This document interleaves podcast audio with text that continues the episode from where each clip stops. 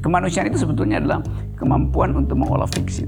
Nah bahayanya kalau kita bilang fiksi itu kita membayangkan orang akan marah tuh.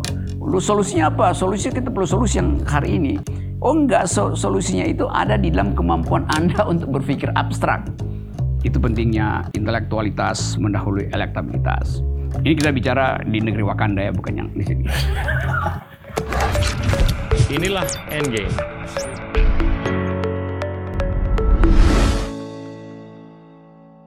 Halo teman-teman, hari ini kita agak-agak beda. Kita mendatangi Rocky Gerung. Bro Rocky, terima kasih. Selamat mengunjungi dengan sejumlah pertanyaan besar. Seperti kebiasaan Gita Wiryawan.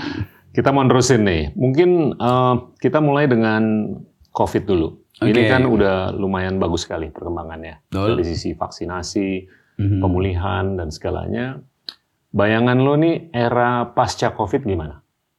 Ada banyak skenario, ada yang pesimis, ada yang optimis. Ada yang merasa bahwa setelah COVID muncul kembali ide uh, humanism Siap. atau post-humanism itu sehingga soal-soal yang menyangkut solidaritas seolah-olah akan pulih lagi.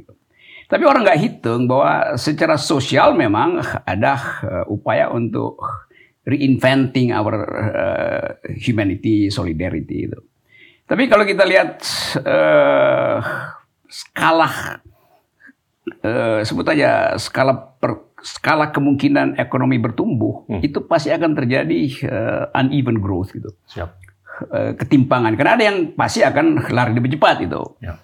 Ada yang merasa bahwa oke okay, ekonomi bisa diubah uh, formatnya bukan lagi growth tapi pergi pada degrowth itu dengan asumsi uh, kesosialan manusia mendahului uh, pertumbuhan ekonomi. Tapi itu lagi-lagi ada skenario. Kita mungkin masih bisa bikin proyeksi dalam dua tahun ke depan.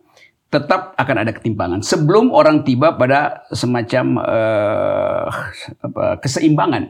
Ya. Jadi sebelum ada keseimbangan pasti ada ketimpangan tuh. Aku lihatnya begitu. Nah, mungkin uh, sektor bisnis beberapa sektor tertentu bisa lari lebih cepat dengan akibat yang lain pasti tertinggal sampai akhirnya kita bertemu lagi dengan uh, risiko baru yang mungkin tidak disebabkan oleh COVID tapi disebabkan oleh ancaman perang dunia ketiga tuh. Lalu oh. orang berpikir ulang tentang uh, apa yang disebut what is this thing called humanity gitu. Uh, philosophical questionnya begitu. Hmm. Kita Irawan. Oke. Okay. Tapi kalau gue lihat nih emang dari sisi ekonomi banyak teman-teman kita tuh yang dari paling mikro banget mm -hmm. sampai yang relatif cukup gede itu nggak bisa melakukan penyesuaian okay. atau adaptasi, ya kan? Mm-hmm. Dan karena mereka nggak bisa melakukan adaptasi, khususnya digitalisasi mm-hmm. atau mhm. virtualisasi, itu mereka kepleset, mm. ya kan? Kepleset secara temporer ataupun kepleset secara permanen. Waduh. Nah itu kan mungkin terjadi di beberapa sektor, mm-hmm. ya kan? Mhm. Dan gue gue cukup nangkep lah bahwa itu mungkin nyambung dengan prospek terjadinya melebarnya kesenjangan ke depan. Mm -hmm. Dan itu akan berdampak ke humanity atau kemanusiaan atau yes. masyarakat mm -hmm. luas lah. Nah ini gimana obatnya? Pemerintah selalu tertinggal dengan eh, proyeksi-proyeksi itu kan.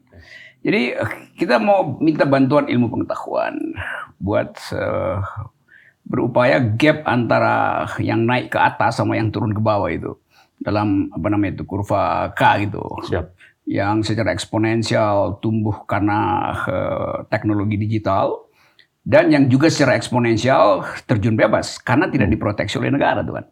Jadi di situ sebetulnya tantangan baru yang disebut welfare state yep. yang uh, kadangkala kritik saya itu selalu kalau kita negara kesejahteraan mestinya kita promosikan akumulasi tapi kita lakukan distribusi kan. Hmm. Kan korporasi selalu berpikir akumulasi itu. Dan negara harus uh, meyakinkan publik bahwa hasil akumulasi akan tiba dalam bentuk jaminan sosial. Jadi sebetulnya itu teori yang gampang aja kan. Tapi sering kali negara itu dia bikin public policy tanpa basis social policy itu. Nah di situ uh, gap bisa menjadi-jadi dan kita gagal untuk mewujudkan ide kemanusiaan yang adil beradab, apa keadilan sosial bagi seluruh rakyat. Hmm. Jadi kalau kita hubungkan misalnya dengan kalau khusus, khusus Indonesia itu akan ada pemilu nih. Ya. 2024 atau 2027. kalau ide tentang welfare state nggak diuji berdasarkan uh, pengalaman kita dengan COVID, maka pasca COVID kesenjangan di Indonesia justru meningkat gitu. Ya. Itu bahayanya tuh. Gitu. Ya. Tapi ini nggak unik dengan Indonesia. Yes. Kan? Mm. Banyak negara-negara di dunia. Ya. Bahkan gue bisa bilang bukan negara-negara berkembang aja, ya. negara-negara ya. maju juga banyak mm. kelihatan kesenjangan mm. yang semakin meningkat. Gue mau coba tarik ini ke sistem politik kita, okay. yaitu demokrasi. Mm. Kalau gue lihat akhir-akhir ini demokrasi ini didefinisikan seakan-akan kebebasan berbicara. Mm -hmm itu sama dengan amplifikasi algoritma. Mm-hmm. Ya kan? Gimana di negara-negara demokratis yang besar, contohnya Amerika Serikat, mm-hmm. itu platform apa jaringan sosial digital mm-hmm. membiarkan narasi-narasi yang kental dengan mm. kebencian, kemarahan dan segalanya itu sebagai bagian dari kebebasan berbicara. Tapi itu tidak dijaga, tidak dirawat dan mm. tidak dinetralisir dengan info-info yang lebih bijaksana atau yang lebih bagus.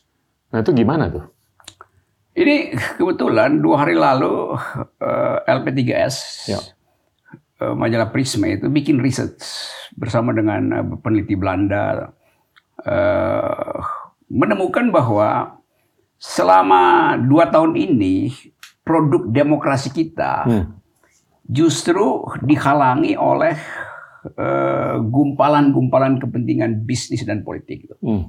Jadi betul tadi bahwa seolah-olah didorong untuk kebebasan berpikir, ya. tapi kemudian di ujung dicegah, misalnya melalui uh, presidential threshold. Ya. Kan itu kan konyol kan.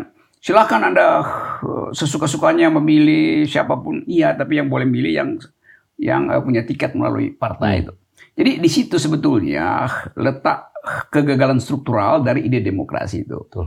Nah itu nggak ada soal kalau hanya sekedar itu. Tapi selama sepanjang dia menuju pada pemilu, itu dihalangi terus oleh algoritma yang didesain untuk sekedar menghasilkan uh, dua tokoh itu. Tuh. Oposisi boleh bicara tapi nggak akan nyampe ke ujungnya tuh. Karena akan dicegah dengan uh, segala macam uh, ya akal-akalan politik lah. Hmm. Jadi tetap terlihat, mungkin juga di seluruh dunia begitu tuh. Covid ya. ini dimanfaatkan justru untuk mencegah demokrasi itu kan. Nah di hmm. Indonesia kan mulai uh, idenya udah tumbuh dari setahun lalu bahwa perpanjangan uh, masa jabatan presiden disebabkan karena pemilu nggak mungkin dilakukan karena COVID.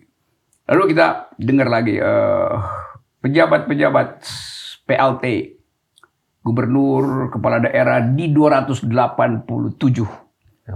daerah itu hanya ditunjuk oleh presiden melalui menteri uh, dalam negeri.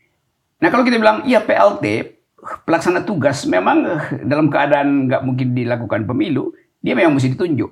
Hmm. Tetapi kalau gue baca itu ya. aturannya itu itu dua setengah tahun oh. periodenya. Jadi bayangkan negara demokrasi dua setengah tahun pemimpin-pemimpin daerahnya tidak punya legitimasi. Itu kan separuh dari tahun pemilu kan. Lima tahun dua setengah tahun pemimpinnya ditunjuk itu hmm. dari kalangan militer dan dari kalangan polisi itu. Jadi gue bayangin itu satu minggu setelah dia ditunjuk, dia bikin proyeksi berapa lah, berapa banyak duit dia mau rampok di daerah oh. selama dua setengah tahun. Minggu pertama ya. ngerampok buat bininya, minggu ketiga ngerampok buat uh, bini kedua, terus buat anaknya, buat ponakan tuh. Jadi ini potensi korupsi nih, karena dia nggak punya legitimasi kan. Ya. Tapi pemerintah bilang ya bagaimana dong, nggak bisa bikin uh, masuk ke kotak suara karena kerumunan. Lo gampang betul, bikin aja online, lo belajar aja online kok belanja online. Maka pemilu nggak bisa. Bahkan uh, ijab kabul bisa online. Bahkan. Ya. Jadi jadi soal-soal beginian yang konyol. Pemerintah dalilkan demokrasi, tapi dua setengah tahun kita akan dipimpin oleh 287 kepala daerah yang tidak dipilih oleh rakyat. Di mana teori demokrasi ya. uh, yang bisa membenarkan uh, taktik semacam itu? Gitu, gitu. Itu mungkin salah satu observasi hmm. yang gue mau coba tarik lagi nih okay. observasi mengenai gimana teknologi mm-hmm. ini sangat telah berperan untuk menggoyang mm-hmm. apa keseimbangan yes. dalam apa ya Gimana upaya kita menjaga demokrasi atau merawat demokrasi. Amplifikasi algoritma mm-hmm. untuk mendorong narasi-narasi yang nggak sehat. Itu terus terjadi demi mereka mencari keuntungan platform digital ini. Mm-hmm. Ini ini kan yeah, mau nggak mau harus disikapi kan. Gue nggak nggak terima aja kalau suara-suara yang baik itu nggak kedengeran karena mereka nggak mau bersuara. Yang semestinya dibutuhkan untuk iya. menetralisir suara-suara yang nggak baik, iya kan? Nah, itu tapi itu disingkirkan. Iya, betul. The silent majority yang nggak hmm. berani bicara, walaupun mereka mungkin informasinya atau idenya lebih bagus. Ini kan kita balik ke omongan kita sebelumnya, gimana kita tuh harus atau berupaya untuk mendemokratisasi ide, bukan hanya informasi. Iya itu, ya kan? Iya itu itu tertunda kita elaborasi waktu itu. Coba kita lakukan sekarang ya. Kita mengandalkan teknologi untuk mempermudah uh, suara publik tiba di parlemen. Kan? Ya.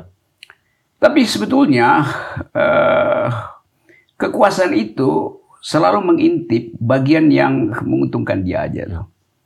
Sehingga suara yang disebut suara demokrasi sebetulnya itu hasil fabrikasi itu. Hmm. Difabricated itu. Itu sebetulnya tahun-tahun 80-an itu udah dideteksi oleh Noam Chomsky. Ya profesor matematik yeah. dari MIT yang menulis buku uh, Manufacturing Concern itu. Jadi pendapat publik itu dimanufaktur, dipabrikasi itu.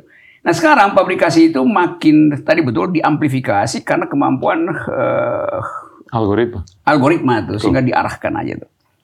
Kalau kita sebut aja misalnya kita punya handphone itu yang di dalamnya ada algoritma. Kita bisa pakai itu untuk tujuan menyebarkan tadi di other uh, voice yang uh, di unspeakable itu. Ya. Tapi kemudian itu justru tidak dipakai itu. Hmm. Handphone, aku baca belakangan ini di, di Pakistan di Bangladesh. Handphone itu bisa dipakai untuk memetakan orang miskin. Ya. Misalnya dengan uh, membaca kok gambar yang dipost itu dari daerah Islam itu kan. Ya Terus kita lihat kualitas gambar. Kalau kualitas gambarnya buruk, berarti dia pakai handphone buruk gitu. Berarti dia kelas bawah. Sehingga pemerintah langsung eh, dengan mudah itu nggak perlu survei, kirim orang untuk tahu bahwa daerah itu pasti miskin, kan. Ya. Jadi oh. mestinya pemerintah manfaatkan teknologi untuk menyebar uh, keadilan tuh. Yang sekarang terjadi dia kendalikan opini publik melalui tadi ya. memonitor percakapan publik, lalu mulai diarahkan itu kan nanti dibombardir dengan uh, algoritma tuh yeah. supaya mengarah pada satu nama satu figur itu nah itu buruknya tuh dan nggak ada fasilitas sebetulnya apalagi pada oposisi untuk deal dengan itu yeah. karena ini betul-betul sofistikasi teknologi kan jadi ya. sofistikasi teknologi menghalangi demokrasi itu yeah. itu lu lu lu ngangkat beberapa poin yang gue mau coba hmm. tanya kalau gue lihat demokrasi itu kan awal mulanya semangatnya adalah untuk meletakkan kekuasaan di tangan banyak orang. Oke. Okay. Ya kan? Tapi sekarang kekuasaan, yes, iya kan? That's the point. Power in the hands of many. Yep. Mm-hmm. Tapi sekarang power in the hands of the few. Mm-hmm. Itu tabrakan kan? Mm-hmm. Dengan jiwa demokrasi yep. di awal mm-hmm. waktu kan. Nah ini kalau menurut gue harus dipelajari dan disikapi. Mm. Dan mungkin salah satu sudut yang bisa menyikapi itu dari apa ya? kerangka regulasi terhadap teknologi. Nah, poin kedua yang lo angkat, gimana kita tuh sudah di surveil. Iya, Surveillance ya, itu kan iya, sudah dilakukan iya, kepada betul. masyarakat luas. Gue sih oke-oke aja, hmm. selama itu untuk kepentingan peningkatan kesejahteraan. Yes. Peningkatan hmm. kesehatan, hmm, peningkatan pengendalian kriminalitas itu. Ya. Tapi surveillance juga harus bisa dilakukan terhadap yang berkuasa. Yes. Surveillance upon the people sama surveillance upon the government. Iya betul. Cengli kan kalau begitu. Mm-hmm. Supaya kita juga bisa melakukan check and recheck. Nah kalau ini hanya one way saja mm-hmm. dan kesejahteraan tidak kelihatan meningkat atau redistribusi kesejahteraan tidak meningkat, itu mungkin harus di, mm-hmm. diselidiki lebih dalam. Jadi itu fenomena yang dulu tahun-tahun abad 18 diterangkan oleh orang macam Gaetano Mosca itu yeah. tentang the power elite itu kan. Tapi kemudian di era ini kemampuan kita untuk mengontrol elit itu berkurang justru karena uh, teknokratisasi ya. kekuasaan itu kan. Yeah. Kan selalu pemilu itu sebetulnya dimaksudkan supaya kita punya kemampuan untuk mengontrol elit. Tapi selalu ada yang disebut uh, ketidakseimbangan pengetahuan itu. Hmm. Sehingga uh, election berbeda dengan decision itu. Ya. Dia kita pilih supaya bisa kita kontrol, tapi dalam proses pembuatan kebijakan dia masuk dalam teknikalitas yang publik nggak bisa lagi uh, tahu kan, pakai hmm. rumus macam-macam, istilah yang canggih-canggih itu. Ya. Sekedar untuk menyelundupkan kepentingan dia tuh. Jadi itu sebetulnya kontrolnya tuh. Nah karena itu aku berpikir bahwa kalau demokrasi masih diandalkan pada elektabilitas dengan asumsi demokrasi itu adalah pemerintahan dari, oleh, dan untuk rakyat. Maka kemampuan kontrolnya nggak bisa itu. Jadi kita mesti ubah sebetulnya pengertian demokrasi itu menjadi demokrasi is the government of reason through the government by the people. Gitu. Betul. Jadi ke depan kita mesti kampanyekan elektabilitas itu belakangan atau kita atau gua rumusin dengan kalimat yang lebih positif, intelektualitas harus mendahului elektabilitas itu. Ya. Jadi seseorang yang mau jadi presiden, dia elektabilitas ditentukan oleh kemampuan dia untuk berpikir. Ya. Di dalamnya ada soal moral, integritas. Tuh. Nah kalau begitu lebih mudah kita hmm. pastikan bahwa demokrasi ada di tangan orang yang benar. Hmm. Nah, populisme itu buruk sekali sebetulnya ya. bagi demokrasi itu. Hmm. Karena dia sekedar mengandaikan dia sudah terpilih. Hmm. Padahal dia terpilih karena tadi diarahkan oleh algoritma, ya. karena feudalisme, karena uh, kegairahan orang pada figur tuh. Nggak pernah diuji kemampuan dia untuk menghasilkan justice, welfare tuh. Ya. Nah itu pentingnya mungkin ini generasi baru untuk mulai mendorong agar supaya pemilu di Indonesia intellectuality mendahului electability. Ya. Nah, gagasan itu yang bisa kita uh, kampanyekan melalui talk show, melalui podcast macam ini. Ya. Jadi memperbanyak podcast untuk menghasilkan pemimpin yang betul-betul uh, mampu berpikir secara konseptual itu intinya ya. tuh. Kan pemimpin kita nggak bisa berpikir konseptual. Dia cuma lihat ada APBN, APBN bisa di, di, di, dibagi dalam beberapa proyek selesai itu. Dia nggak pernah hitung uh, akibatnya pada lingkungan. Ya uh, trade off-nya dengan uh, social justice kan itu nggak pernah dihitung. Betul. Itu, itu pentingnya uh, kita Wirawan School of Government. udah berapa kali ngomongnya begitu? Iya karena itu yang mesti ada kurikulumnya dong. Tapi tapi gini loh, ujung-ujungnya kan masyarakat luasnya juga harus memahami kan. Iya. Iya kan. Gue gue gue sepakat sama lo bahwa populisme atau popularitas itu nggak sama dengan governance. Oke. Okay. Ya kan. Mm -hmm. Tapi untuk membangun intelektualitas mm -hmm. di kepemimpinan itu juga berkorelasi dengan pembangunan intelektualitas di masyarakat luas kan. Oke. Okay. Itu harus nyambung tuh. Betul. Nah itu menurut gue misi yang jauh lebih panjang. Iya kan. Ini ini nyambung ke pendidikan Betul. juga. Iya kan. Iya itu misalnya nih Gue tahu dulu ide Golkar Institute. Kan beberapa yeah. teman gue di situ. Setahun lalu mereka hubungi. Kita mau bikin Golkar Institute. Suruh ngajar lu. Huh? Suruh ngajar. Iya kira-kira begitu. Gue usulin begini. Jangan jadikan Golkar Institute itu sekedar untuk rekrut pemimpin Golkar. Itu gak ada gunanya. Karena kepemimpinan itu mesti ada kompetisi. Jadi jadikan Golkar Institute itu, walaupun namanya Golkar Institute, semua partai boleh masuk di situ, eh, saya masuk di situ untuk dididik. Ya. Jadi Golkar menyediakan diri sebagai fasilitator aja untuk kompetisi. Nah sekarang nggak begitu kan? Ya. Belum apa-apa si Kishore udah muji-muji Jokowi itu. Jadi orang berpikir ini apa dasar akademis untuk menghasilkan leader? Hmm. Kalau puji-pujian mendahului uh, kritisisme kan. Ya. Jadi akhirnya nanti aku bisa bayangin Golkar itu nggak akan menghasilkan leader. Cuma bakal hasilkan dealer lagi tuh. Karena kebiasaan Golkar adalah bermain tapi, dalam tapi itu seorang akademis lah. Aku tahu itu, aku ya, kan? paham itu tuh. Ya. Aku ya. aku baca seluruh Kishore ini. Tapi pertanyaan kita, kenapa dia uh, kan mestinya kita bayangin dia akademisi, dia mesti tahan keterangan itu tuh. Ya. Tunggu kesempatan. Misalnya kalau dia kasih kuliah umum bukan di Golkar Institute. Tapi sekarang hanya orang cari genealoginya apa, lalu orang anggap itu yang nggak terbaca tuh. Jadi waktu aku kasih kritik, gue memang uh, tahu bahwa ya nggak mungkin orang setajam uh, metodologi berpikirnya, yeah. apalagi dia diplomat, mesti mengucapkan Presiden Jokowi jenius itu. Jangan-jangan itu justru adalah umpan supaya Jokowi jadi gembira tanpa fakta lalu dia jatuh kan. Hmm. Jadi soal semacam itu tuh, semacam uh, the unthinkable itu yang mesti kita uh, bongkar itu. Gue nggak ada persoalan dengan yeah, Golkar yeah. Institute atau dengan Profesor Kishore. Dia, dia juga sempat jadi salah satu narasumber ya, aku baca. di yes. show gua. Nah, kita udah ngobrol mengenai demokrasi. Yes. Mm-hmm. Nah, kita juga udah nyentuh teknologi. Oke. Okay. Nah, ini kalau gue perhatiin, teknologi ini kan semakin pesat perubahannya. Mm-hmm. Dan akselerasi perubahannya juga yep. semakin meningkat. Kalau sepahaman gue, itu semakin cepat perubahan dan akselerasi perubahan, itu margin of error-nya itu semakin gede kan. Oke. Okay, Kita udah melihat dalam berapa ratus tahun terakhir ini pemberdayaan teknologi mm-hmm. ini melewati masa trial and error. Betul. Bisa dibilang error-errornya itu termasuk mm-hmm. mungkin perang dunia pertama, mm-hmm. perang dunia kedua, kolonialisme, okay. mm-hmm. ya kan? Gimana superpower tertentu bisa mensiasati mm-hmm. kekuatan lain yang mungkin jauh lebih mm-hmm. kecil. Ini ke depannya gimana nih teknologi? Karena gue ngelihatnya ke depannya itu derivatif satu dan duanya akan mm-hmm. semakin meningkat. Semakin meningkat, margin of error-nya akan semakin besar. Room for error-nya itu bukan hanya semakin gede, tapi error-nya yang bakal kejadian itu bisa lebih kolosal daripada Boleh. apa pun yang kita bisa lihat kan. Lebih kolosal, gila. Memang kalau Mungkin kita dong.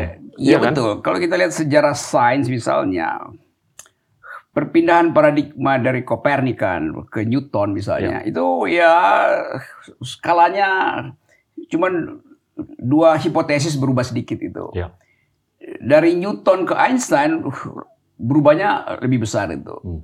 Dari Einstein ke uh, apa namanya nih uh, fisika apa namanya itu fisika astro. Uh, ya fisika. Stephen Hawking oh, gitu kan. Ya. Hmm. Itu gila lagi tuh karena ya. di dalamnya udah ada asumsi tentang multiple universe gitu ya. kan. Jadi betul semakin gairah untuk menemukan rumus atau disebut uh, theory of everything gitu, ya. semakin errornya itu membesar. Ya. Nah kita mau lihat misalnya kalau error ini bisa dikendalikan oleh semacam ethics, hmm stem cell misalnya. Stem hmm. cell kan itu kan eksponensial lompatannya. Banget. Tapi di Amerika ada sistem untuk mengendalikan secara etik, ada lembaganya tuh. Ya. Tapi lembaga itu kemudian nggak berhasil karena dorongan ekstrapolasi penelitian itu memungkinkan orang untuk cari tempat yang secara etis tidak terkontrol. Orang pindah ke Singapura, pindah ke Cina tuh, ya. riset stem cell tuh.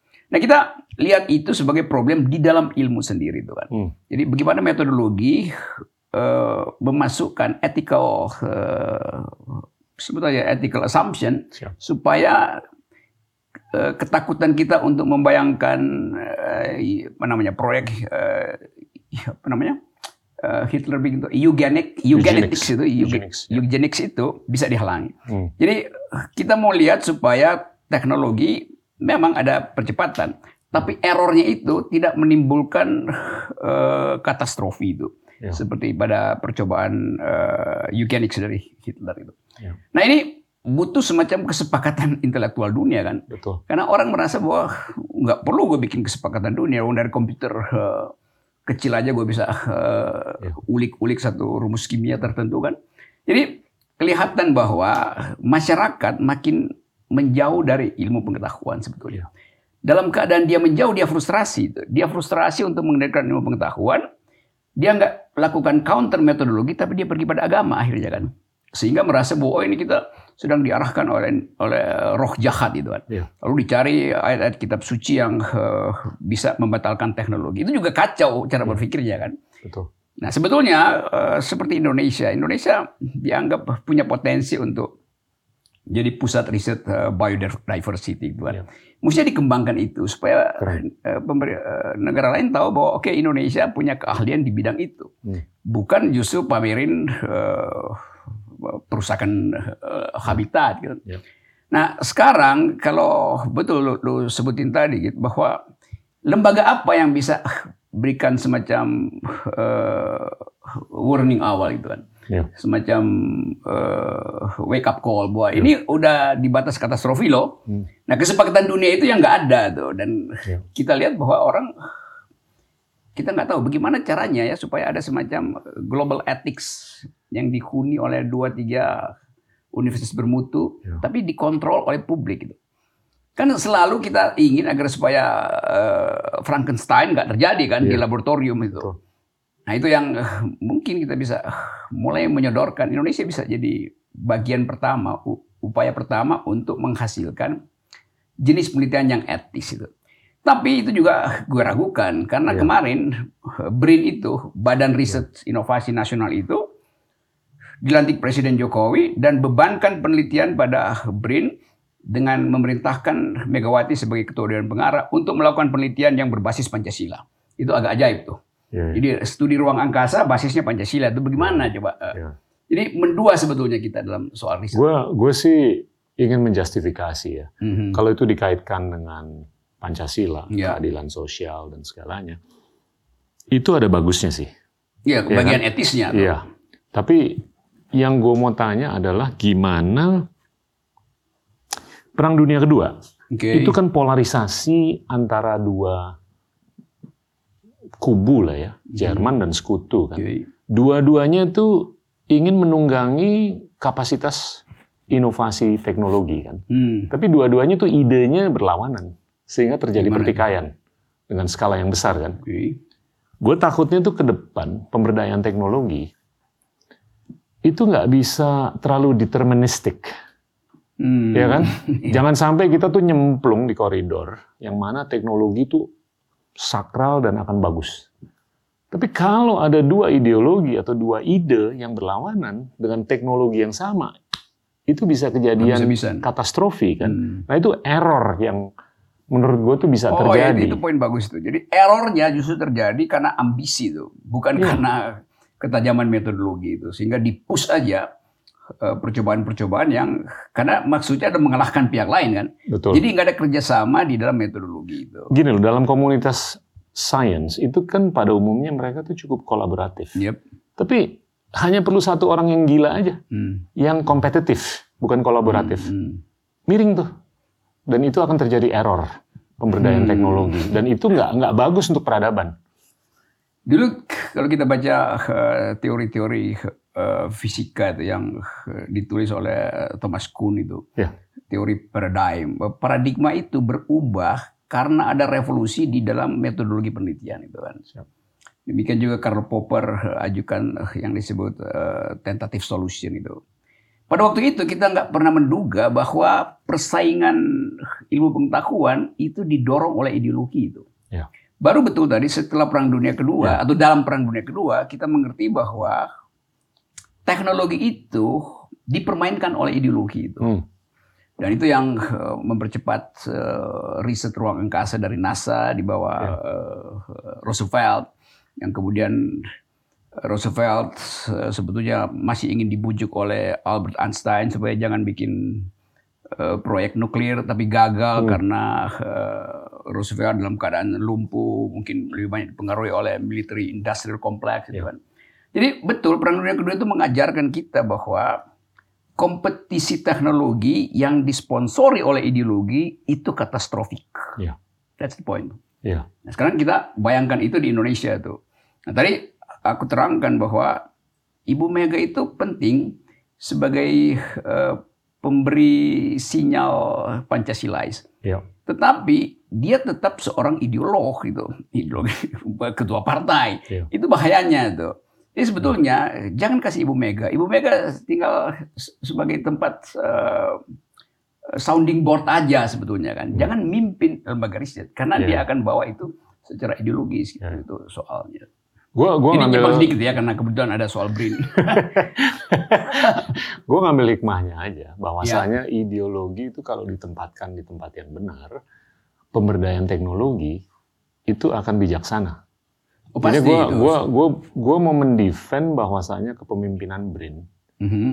itu kalau dilakukan dengan baik, secara ideologi, secara ide, ya semestinya oke. Okay Iya kan? ya, tapi betul, tapi dari awal BRIN ini kemudian yang dihitung lebih dahulu adalah birokrasinya tuh. Iya, iya. Oke, oke. Bukan itu, laboratoriumnya. gini, gini, Bro. Oke, gua gua mau tarik lagi ke teknologi. Yes. Ini teknologi ini kan derivatif satu dan duanya semakin meningkat. Mm -hmm. Ya kan? Dan gimana kita bisa mengontrol perubahan-perubahan seperti itu untuk kemajuan dan kebaikan, ya kan? Hmm. Nah, lu kalau hidup di abad ke-10, ya, dibandingin lu hidup di abad ke-7, uh-huh. perubahan lu tuh nggak banyak, deltanya iya. nggak yeah. banyak, hmm. ya kan? Dalam 300 tahun. Tapi sekarang dengan kemajuan di kecerdasan artifisial, gimana lu bisa mengrekayasa neuron lu, kecerdasan biologis, okay. gimana lo bisa mengrekayasa sel dan kode genetika lo. Mm -hmm. Mungkin dalam 20-30 tahun, manusia itu bisa menjadi spesies yang jauh lebih okay. banyak deltanya dalam periode 30 tahun dibandingin yeah, okay. dalam 300 tahun antara abad 7 dan 10. Yeah, nah, kalau... ini uncontrollable kan. Errornya makin banyak lagi. Gini, aku jelasin begini ya itu kita bayangkan uncontrollable karena kita anggap uh, secara antropologis kita masih ada di situ 20 tahun ke depan itu. Betul. Padahal sangat mungkin itu adalah era post-human gitu. Yeah. Jadi era manusia udah selesai lah. Ngapain manusia terus-menerus ada di planet kan? Mesti ada semacam makhluk lain itu. Yeah. Tapi kita memang cemas. Nah kalau evolusinya berlangsung lama-lama kita anggap ya biasa aja lah. Toh uh, smartphone juga makin lama makin jadi bagian eh, inherent dalam psikologi kita itu kan. Tuh. Tapi gue ngerti itu, terutama kalangan agama. Ya. Kan agama itu hanya bisa hidup kalau status manusianya permanen tuh. Ya. Padahal sebetulnya per hari ini manusia itu nggak lagi permanen. Ya. Separuh dari tubuh kita itu udah uh, bionik sebetulnya. Ya.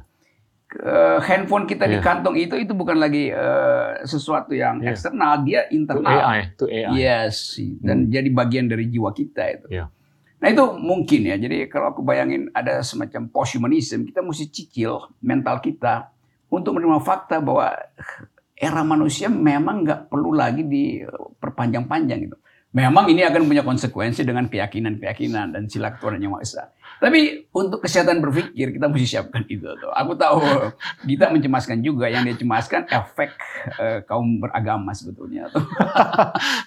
Tapi kalau gua, kita, gua, gua khawatir. Ya oke okay, sama gua kita khawatir. khawatir. Karena perubahan soal. itu semakin berakselerasi mm -hmm. dan semakin akselerasi itu meningkat, semakin kita nggak bisa mengontrol destiny kita ke depan. Wah itu, wah. Iya kan? Oh, Destiny itu uh, kayak lagunya Cranberry apa? atau Destiny Child. Betul, betul. Sekarang gini deh, lo kalau baca buku-buku fisika yang canggih ya, ya, yang terakhir si Michio Kaku kan dia tuh mm. menarasikan bahwa dalam waktu mungkin 50 sampai 100 tahun ke depan, lo tuh bisa mereplikasi neuron lo Yes. Yang bisa di-download ke komputer. Benar, bisa. Dan itu diproyeksikan ke Mars dalam tiga menit lewat yes. laser beam. Mm-hmm. Di sana sampai di receiving station, di-download lagi neuronnya, mm-hmm. terus diproyeksikan ke avatar diri lo sendiri. Dan lu tuh nggak perlu naik pesawat ke iya. ke, ke Mars. Buat ngalami uh, iya.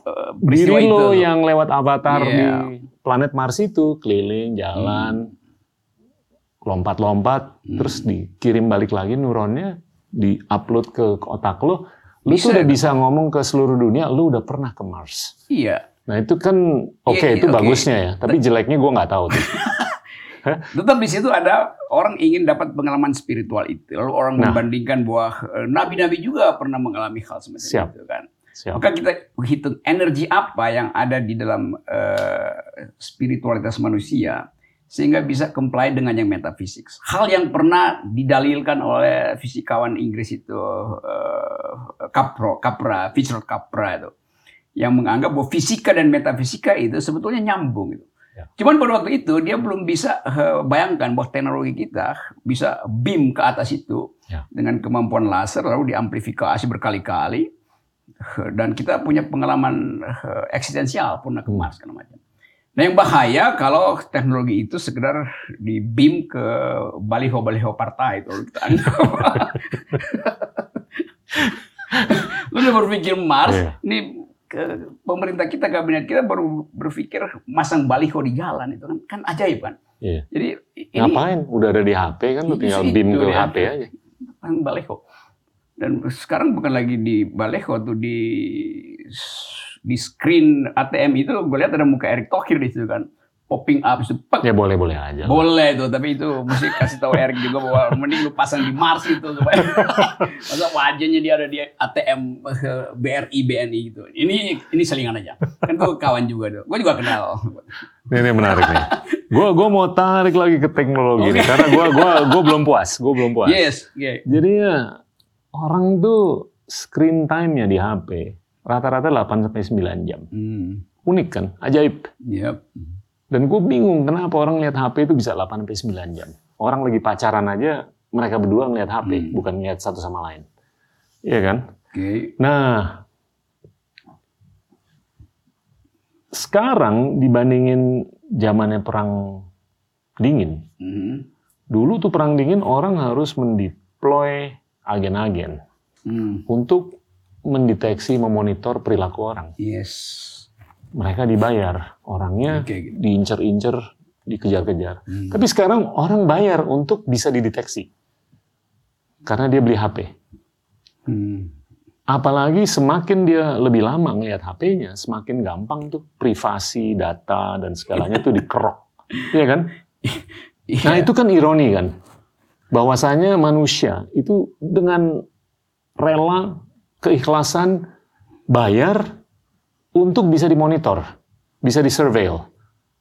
Ya dulu itu disebut handphone dulu disebut sebagai eh, apa namanya sel privat kita kan. Iya, Justru untuk supaya orang kalau kalau handphone eh, online apa namanya handphone meja itu kan dia ada di buku kuning dulu kan. Semua Iya. orang bisa cari nama Iya, lu kan. Yellow Pages, ya. Yellow, Yellow Pages itu. Lalu dipindahin ke handphone supaya dia jadi private.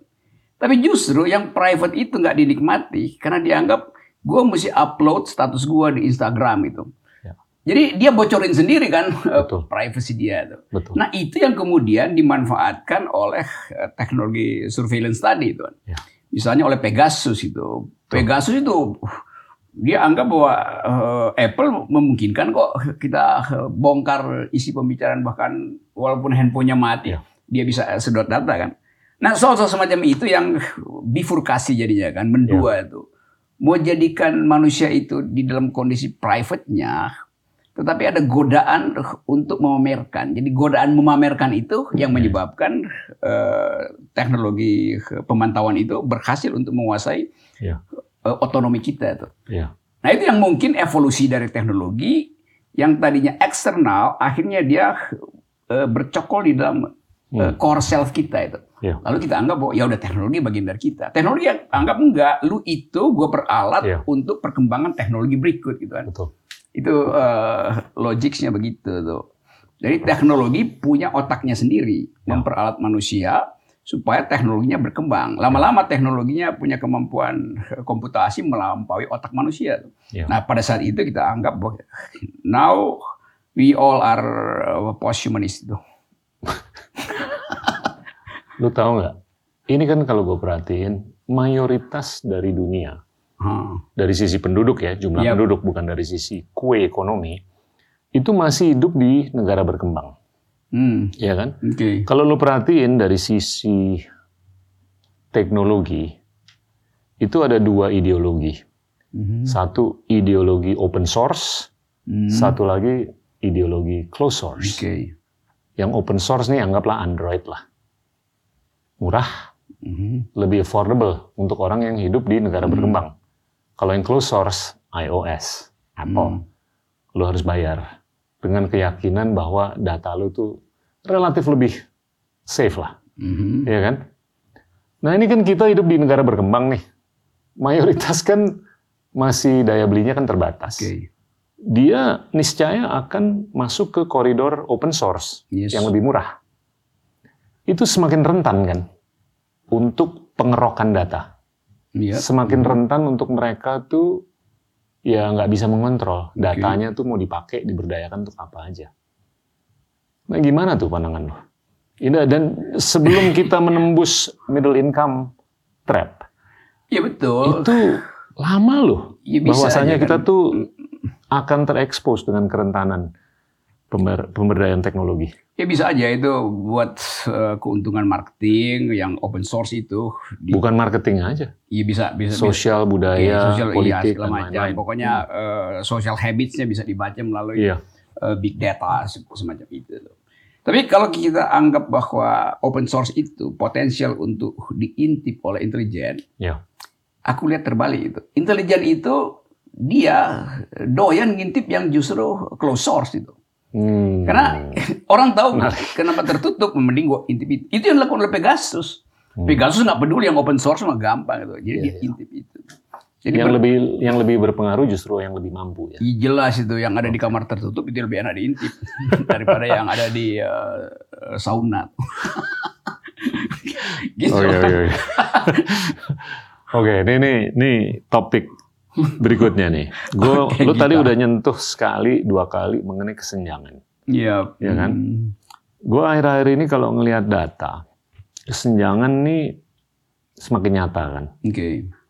Dan dalam konteks kesenjangan, ini gue mau angkat topik luck atau hoki. Mm-hmm. Ya kan? Hoki itu, itu variabel khusus. hoki itu semakin berkorelasi dengan di mana lo lahir. Iya, iya kan? Iya ada itu. Kalau lu lahir di tempat yang mana orang tua lu lebih mampu, hmm. dia lebih bisa nyekolahin lu di sekolah yang okay. lebih bagus.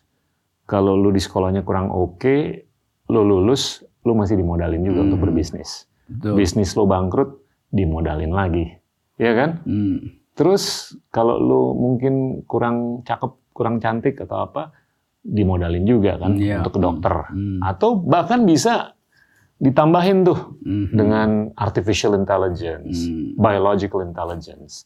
Mm. Nah itu kan nose job, facelift, ya apa pun lah.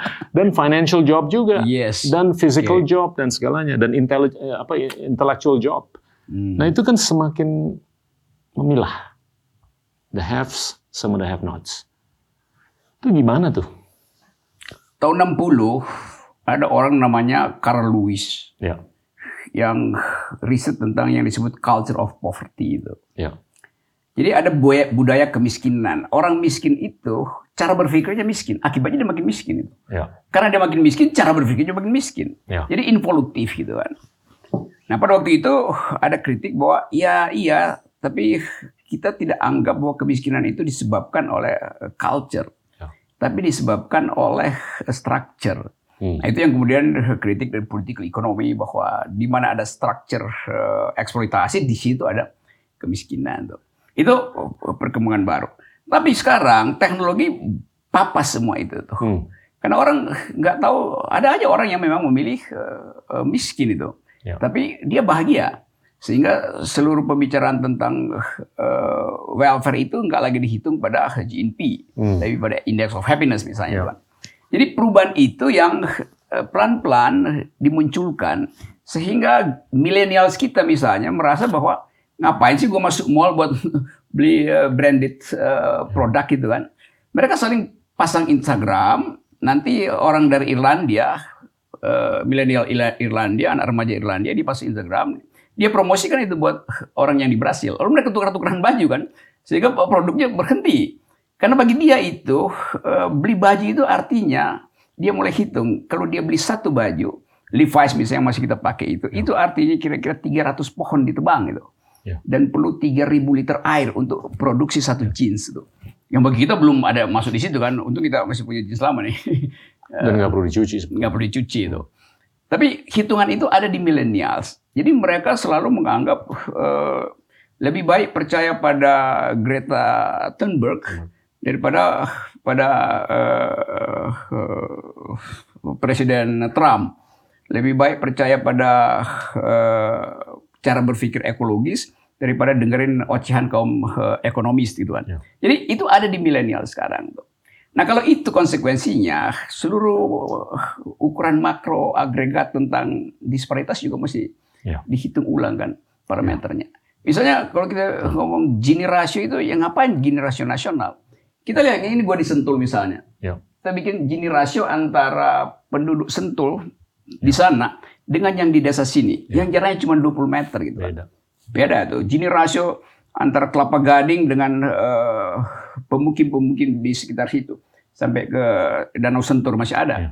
Jadi generasi itu jadi lokal sebetulnya. Ya. Dan dengan cara itu kepekaan kita pada penderitaan orang lain, uh, uh, ada suffering itu bisa kita rasakan kan. Itu pentingnya Pancasila sampai ke situ musinya. Ya, Bukan sekedar di dinyanyi-nyanyiin uh, setiap betul. kali upacara bendera gitu. Betul. Dan jadinya, itu perlu jadinya, satu generasi okay lah, untuk memikirkan itu. bahwasannya zip code tempat lo lahir. Iya betul. Itu berkorelasi dengan Pasti. unsur keberuntungan hmm. lo, ya kan? Dan itu gimana kita bisa mendemokratisasikan. Nah itu intinya ya, tuh. Kan? Jadi bagaimana ada terowongan ke arah hmm. zip code gue itu iya. yang difasilitasi oleh negara supaya gue bisa diangkut melalui iya. terowongan itu pergi pada wilayah yang uh, gini rasionya lebih bagus iya. kan itu secara, iya. secara matematik bisa dihitung sebetulnya kan Dan, tapi mental kita kadang-kadang nggak mau nyampe di situ dianggap oh itu udah nasib gue di situ itu kan buruk banget betul betul gue sih percaya nation building tuh harus dari dalam nggak bisa ya, dari ya, luar kan yes nah ini kalau gue lihat gimana kita bisa gini loh waktu tahun 80-an gue sekolah mm -hmm. itu yang diajarin adalah perfect competition okay. kompetisi yang sempurna mm -hmm. tapi lu kalau ngobrol sama anak-anak muda sekarang itu udah terindoktrin di kepalanya mereka bahwasanya lu kalau mau sukses lu harus monopolistik mm. ya kan dan monopoli anak dalam konteks begitu berpikirnya Loh, lu kalau ke Silicon Valley Iya apa dia maksudnya? Nggak ada social networking platform nomor dua kan, hmm. cuma satu. Hmm. Nggak ada marketplace nomor dua, hmm. cuma Amazon doang. Search engine cuma satu, search engine nomor dua, hmm. jarang kan lo dengar namanya. Jadi itu yang udah udah terbentuk di benak anak-anak muda sekarang yang mau menjadi entrepreneur. Gua hmm. kalau mau sukses, gua harus jadi monopoli. Hmm. Nah itu nabrak kan dengan free will yeah. free will untuk terjadinya kompetisi yang sehat, kompetisi hmm. yang sempurna. Nah itu gue takut karena itu bukan hanya berlaku di space atau domain entrepreneurial, tapi itu udah menjalar ke dimensi lainnya, termasuk politik, termasuk budaya, termasuk sosial dan lain-lain. Sehingga kita udah terbiasa dengan konsep bahwa ya monopoli ide, monopoli apa pun di space apa pun itu norma yang harus kita terima. Ini ajarannya nih harus iya. dikencengin supaya itu bisa terkoreksi kan.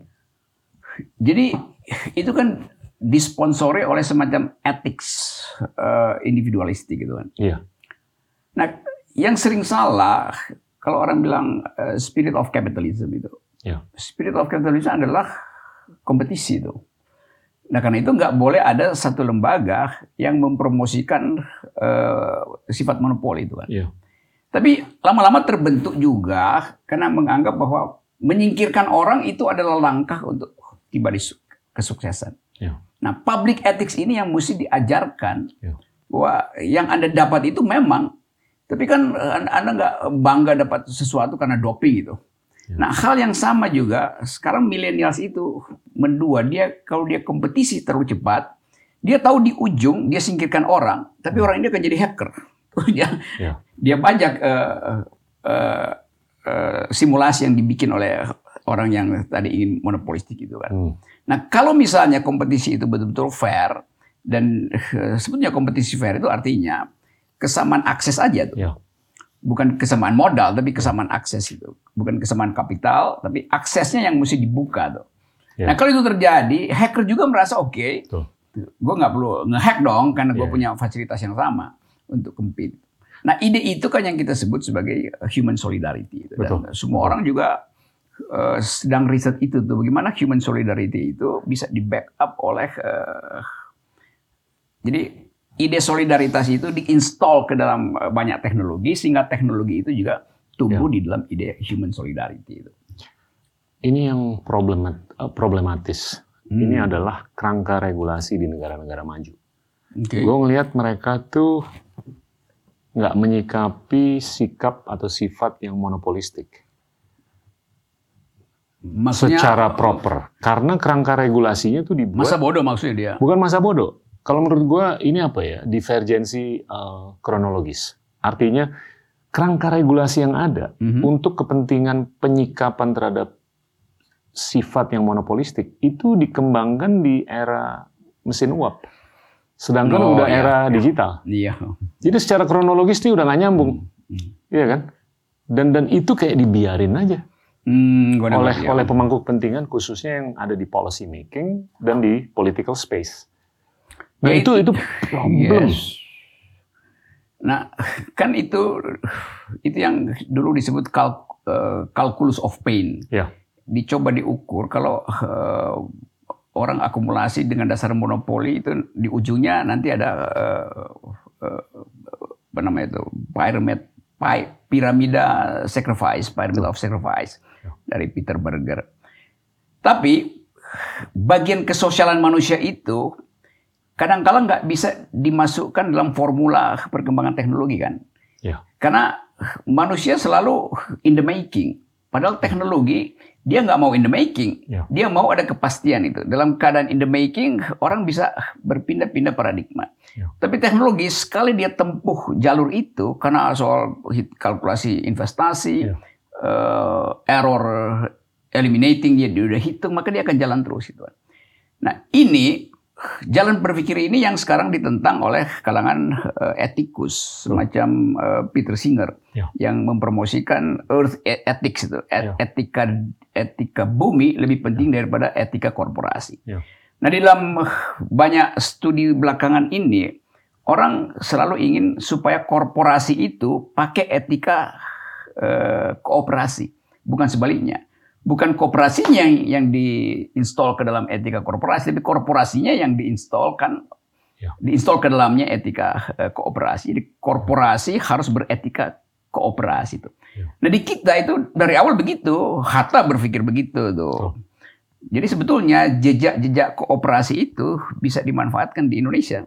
Nah itu mengandaikan pemerintah paham tentang dalil-dalil itu. Jadi mesti ada semacam kursus kabinet Ya. Se- eh, dua minggu sekali anggota kabinet dibawa ke Gita Wirawan School of Government supaya dapat pelajaran eh, public ethics kan itu intinya Iya, iya. ini gue serius nih gitu. Ya, benar. iya tuh kan nggak nggak usah malu-malu dong kan kan nggak semua menteri di situ di train di dalam eh, earth ethics tuh padahal Sri Mulyani adalah pemimpin dari Menteri Keuangan yang berbasis lingkungan Ya. tapi dia sendiri mensponsori omnibus law yang anti lingkungan kan itu paradoks di dalam konsep kan Ya. ini aku kasih kritik semata-mata dari segi logik saja Iya, ya. Itu, itu mungkin ada pertimbangan politik yang kita Oke, karena sadari. itu ada pertimbangan politik. karena Indonesia masih butuh ekstraktif industri, ya kelah tuh. Tapi gini loh, gue tuh kalau ngobrol sama teman-teman di Silicon Valley atau apa, Hmm. ini udah lekat banget di kepala mereka. Coba By- gua bayangin Silicon Valley itu udah ada semacam rumus tunggal di situ, gitu. Bahwa Buy and buy or bury. Hmm. Kalau nggak gue beli, anggaplah ini perusahaan monolitik yang gede. Ya, Hmm. dia ngelihat ada ide yang keren tapi kecil, gue beli nih. Kalau dia nggak mau jual, gue kubur. Nah ini kan kita udah ngerasain selama ratusan tahun bahwasanya monopoli itu kan nggak sehat. Mhm. Bukan hanya untuk diri kita sendiri lah, Iya. zamannya VOC, di India, dan di mana-mana lah. Zamannya oil baron dulu, Hmm, iya. rail baron, dan drug baron di Hmm. beberapa negara dan benua bahkan. Ini gimana nih trennya nih akhir-akhir ini perusahaan-perusahaan teknologi itu semakin Begitu ya. monopolistik dan kayaknya dibiarin aja oleh kerangka regulasi. Dan yang lebih disayangkan perkembangan di swasta itu sangat eksponensial dan perkembangan di policy itu sangat linear. Semakin sulit kan untuk menyikapi hal-hal yang mungkin kurang sehat di jangka panjang. Ya akhirnya yang disebut Homo economicus yang harusnya eh, kan Homo economicus di dalam pengertian Adam Smith ada seorang eh, moral agent. gitu. Ya. Karena itu eh, bukunya Theory of Moral Sentiment eh, membayang-bayangi the wealth of nation itu. Nah sekarang yang disebut Homo economicus itu dia betul-betul makhluk yang sekedar disedot kemampuan dia untuk mengakumulasi dan bukan fasilitas etisnya. Kalau kita baca misalnya, ya dulu yang disebut sebagai eh, akumulator itu kan Chicago School itu kan, Ya. Austrian Economic School itu, yang kemudian dibayang-bayangi oleh eh, Cambridge School melalui New Deal karena itu diperlukan solusi Keynesian segala macam tuh. Jadi akhirnya kita lihat bahwa ini nggak ada gunanya. Ya. Karena moral seseorang itu eh, di dalam dirinya itu hanya melihat saingan itu. Dia cuma lihat Ya. ini saingan gua mesti gua lumpuhkan. Jadi dia nggak melihat bahwa dia itu bagian dari eh, community of thought. Padahal kalau bilang Silicon Valley, kan di situ kita bayangkan ada percakapan intelektual tuh Ya. untuk menghasilkan a new kind of eh, ya economic justice kan Ya. melalui teknologi. Kan kita bayangin dulu Silicon Valley itu oke dia semacam eh, satu enclave yang Ya. memang isinya cuma rasionalitas. Ya. Tapi dia tahu atau kita ingin dia tahu bahwa negara-negara itu ada di dalam ketimpangan. Ya. Sehingga kita seolah-olah eh, minta tolong Silicon Valley untuk memanfaatkan teknologi untuk menghasilkan eh, human so- solidarity. Ya. Jadi kalau dia nggak terjadi, ada sesuatu yang berubah di dalam cara manusia memandang manusia yang lain kan. Betul. Dan itu yang menerangkan kenapa ada eksploitasi eh, sumber daya, eksploitasi hutan tuh. Jadi intinya adalah eksploitasi manusia terhadap manusia menyebabkan eksploitasi manusia terhadap alam itu kan. Dan itu bisa jadi eh, tadi alat eh, pelenyap peradaban akhirnya. Ya. Nah kalau itu eh, kita dengar dalam pembicaraan kelas-kelas eh, internasional kan, Hmm. kan banyak eh, Peter Singer ke mana-mana eh, kasih ceramah tentang eh, public policy dan eh, sifat etis dari eh, lingkungan tuh environmental ethics. Rupa-rupanya itu yang nggak masuk aja di Silicon Valley. Jadi Silicon Valley jadi kayak duri dalam daging dari Betul. sebuah peradaban itu. Betul. Eh, kecemasan kita terhadap itu eh, kadang-kala nggak bisa kita eh, ucapkan Iya. karena pemerintah juga nggak punya fokus untuk menarik perhatian milenials Indonesia supaya jangan pergi berilmu atau bukan berilmu sebetulnya pergi eh, apa namanya mengidap semacam eh, Silicon Valley Syndrome itu kan Iya. gitu. Nah itu mestinya kita dengar dari Menteri Pendidikan tuh apa Iya, yang dia lakukan supaya terhalanglah eh, kesosialan manusia itu Iya. eh, membangga-banggakan Silicon Valley itu. Iya. Dulu gue membanggakan Silicon Valley sebagai pusat Oh dari penemuan. sisi rasionalitas yes, biasa. tuh, tapi tadi Tapi mentalnya memang kemudian- problemnya adalah duit. Duit ini udah Hmm. terlalu banyak di sana. Dan ini fenomena yang gue beberapa kali ini sebut elitisasi uang. Oh ini Iya kan? istilahnya nih elitisasi Di mana uang. uang itu semakin berada di elit saja. Dan elit ini kan bisa dibilang elit teknologi. Orang yang paling kaya Hmm. di dunia, perusahaan yang paling besar di dunia itu sekarang adalah perusahaan dan orang teknologi kan.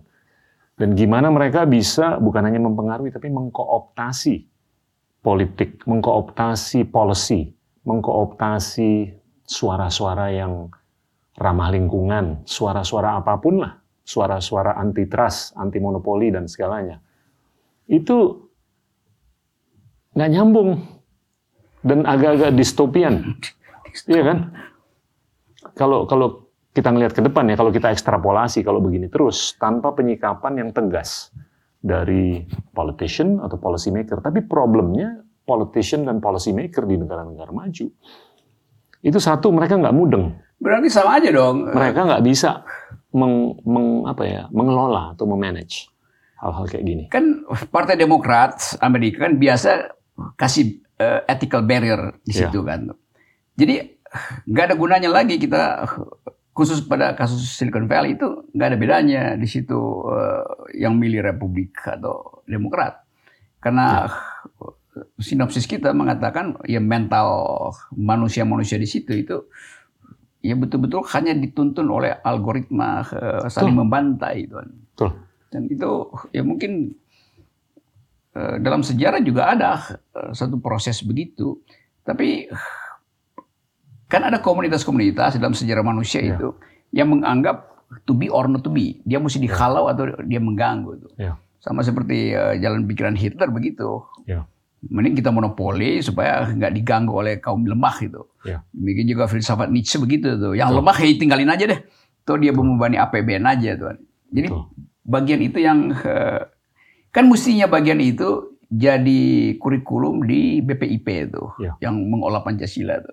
Ya. Dari, dari situ dibuat kurikulum ya. tentang kesosialan manusia itu. Nah kita cuma bisa usulan begitu. Ya. Tapi kalau BPIP misalnya nggak ngerti apa itu Silicon Valley ya, dia juga nggak ngerti ini apa sebetulnya problemnya kan. Ya, itu pentingnya mereka yang disebut tadi elite itu paham tentang persoalan di seluruh dunia. Ya. Karena kita nggak mungkin membayangkan Indonesia seolah lari sendiri itu. Ya. Padahal sebetulnya di dunia itu potensi untuk lari pun udah dibatasi sampai segini lu pasti bisa lari itu. Indonesia sejauh-jauhnya segini doang tuh.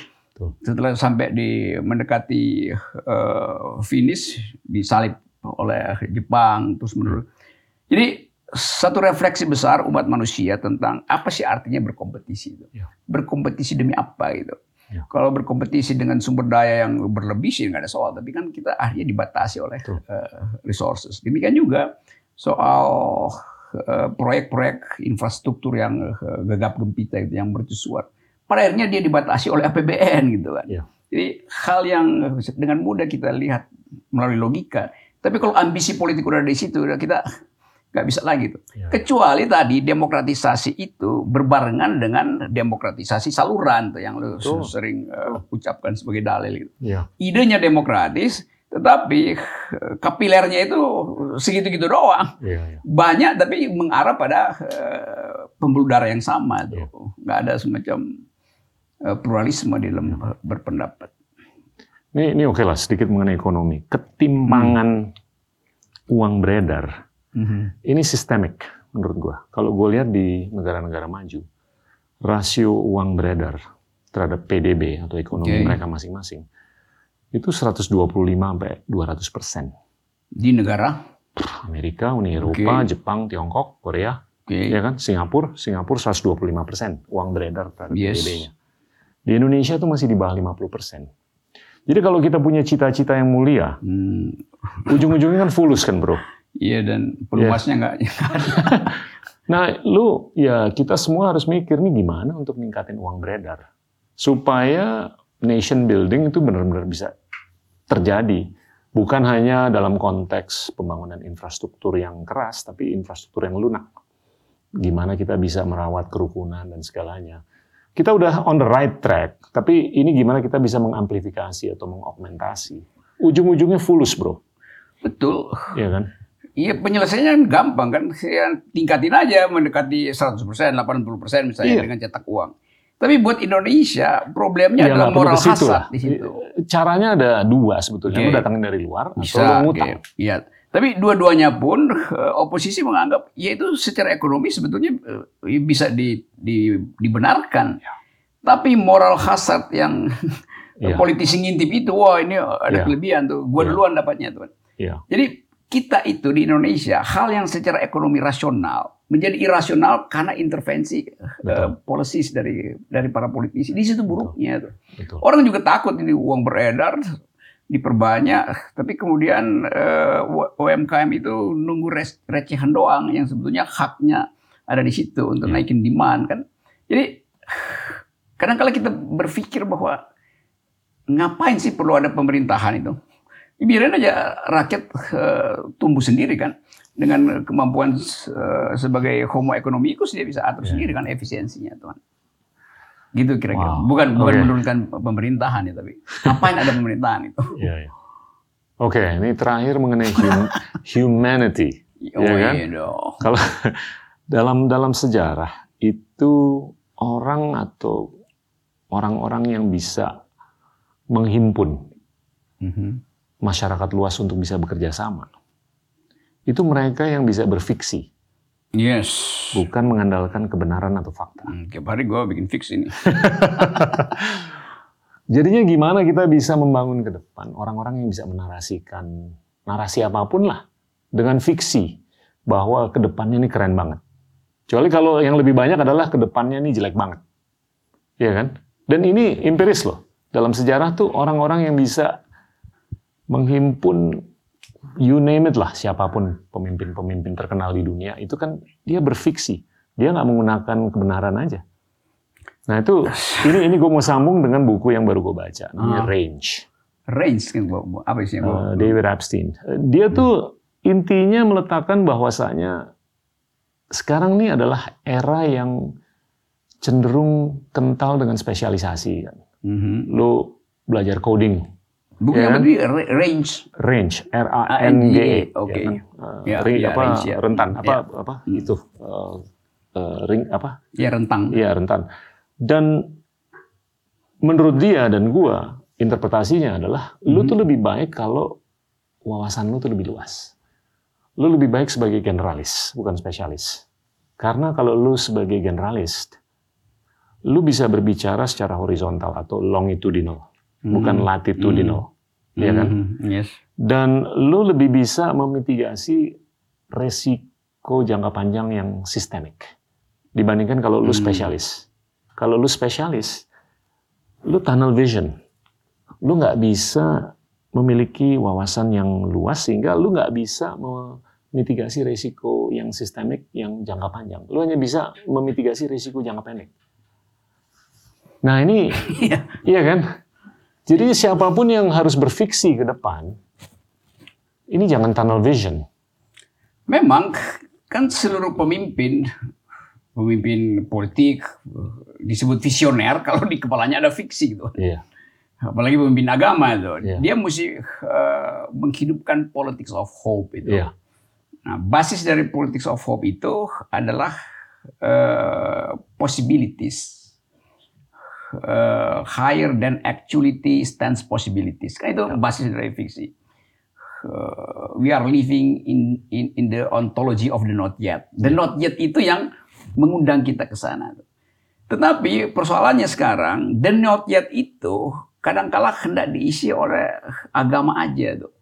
Bukan semacam uh, kemerdekaan untuk membayangkan yang lain. Memang agama itu bagian juga dari upaya untuk uh, tumbuh secara eskatologi itu bahwa ya. ada harapan di sana itu. Tetapi bagi sebagian orang menganggap ya itu hal yang udah ada arahnya. Hmm. Nah, wilayah kebebasan lain itu mesti dihasilkan melalui kekuatan uh, fiksi tadi, bukan fiktif ya, fiksi itu. Lain kalau fiktif, fiktif memang ya bohong-bohong. Ini fiksi itu, fiksi itu energi Beda. untuk menghasilkan ya, energi untuk menghasilkan harapan gitu. Jadi kalau kita anggap bahwa Indonesia sebetulnya punya pengalaman banyak dengan eh, kemampuan untuk membayangkan kemerdekaan itu kan juga fiksi itu yang kemudian oleh Ben Anderson disebut sebagai uh, apa namanya itu uh, nation in the making atau apa itu imagine society, ya. imagine uh, nation itu. Nah kita nggak dididik di situ sebetulnya tuh. Ya. Karena ada kurikulum yang udah baku, mulai dari anak SD segala macam itu dituntun dengan kurikulum itu. Ya. Nah sebaiknya kalau Nadine misalnya eh, belajar merdeka, betul-betul belajar merdeka dalam, belajar. Merdeka belajar itu, itu bagus belajar lah. untuk mengungkapkan ya. hal yang fiksi gitu, ya. bukan hal yang fiktif itu. Ya. Jadi idenya di situ. Jadi gue setuju banget itu. Kalau dari awal eh, potensi itu diletakkan sebagai harapan, bukan sebagai hasil itu kalau ada hasil ya udah itu uh, ya sesuatu orang orang bisa tempuh segala sesuatu kalau di depannya kita tahu hasilnya apa kan. Yeah. Tapi fiksi itu melampaui kemanusiaan itu sebetulnya adalah kemampuan untuk mengolah fiksi. Nah bahayanya kalau kita bilang fiksi itu kita membayangkan orang akan marah tuh. Lu solusinya apa? Solusinya kita perlu solusi yang hari ini. Oh enggak, solusinya itu ada di dalam kemampuan Anda untuk berpikir abstrak. Hmm. Hmm. Kan itu bagian dari uh, berpikir ya. uh, fiksional gitu. Nah, teknokrat nggak bisa begitu. Dia berpikir ada ada resultnya tuh. Ya. Ada output, ada outcome segala macam tuh. Masyarakat menganggap bahwa kemampuan teknokrat untuk membayangkan masyarakat post covid aja nggak bisa kok. Masyarakat justru punya kemampuan untuk membayangkan eh, post covid society karena mereka baca ilmu pengetahuan dari luar tuh. Jadi hmm. ketegangan itu yang sekarang terjadi tuh ya. antara uh, birokrasi yang berupaya secara teknis menghitung kemakmuran berdasarkan agregat ekonomi, sementara masyarakat yang terlatih di dalam global vision itu melihat bahwa ada peluang-peluang banyak ya. selain itu. Nah itu yang sering kali mesti dipersiapkan sekarang bahwa ya kita masih berpikir tentang growth, tentang pajak segala macam, tapi masyarakat lain berpikir tentang uh, tukar tambah aja itu bertambah value kayak tadi anak milenial itu menganggap ya ngapain sih uh, mesti masuk mall Nah, akibatnya nanti misalnya ya mall itu mesti tutup. Eh, kantor-kantor mentereng akhirnya kan dianggap ya ngapain naik lift lagi. Kalau gue bisa kerja dari rumah sebetulnya. Atau sebetulnya eh, pemanfaatannya secara sosial diubah itu. Ya. Kalau ada kantor misalnya di SCBD itu, kan sebetulnya kalau bilang kantor di SCBD kan dia cuma dipakai dari jam 6 pagi sampai jam 6 sore. Setelah itu kan idle kan. Nah, bisa dipakai oleh milenial misalnya untuk hahaha bikin riset atau ya. Tidur di situ tapi dikasih eh, bisa di, bisa diatur supaya dia nggak ngotori, supaya mampu untuk memakai uh, uh, toilet modern. Ya. Kan itu yang disebut kesosialan manusia. Nah, bagian ini tentu uh, membutuhkan seorang presiden yang visioner ya.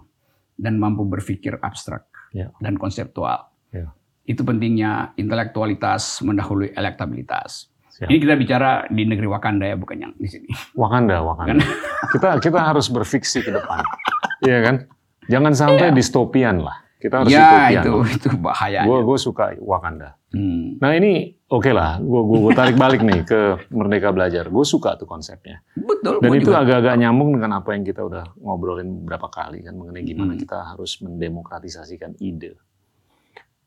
Yang terakhir gue angkat kan adalah gue tuh oke okay lah kurikulum tuh agak-agak salah parkir, harus di-upgrade -hmm. supaya bisa sesuai dengan zaman dan perkembangan zaman. Kualitas siswa dan siswi juga harus di-upgrade.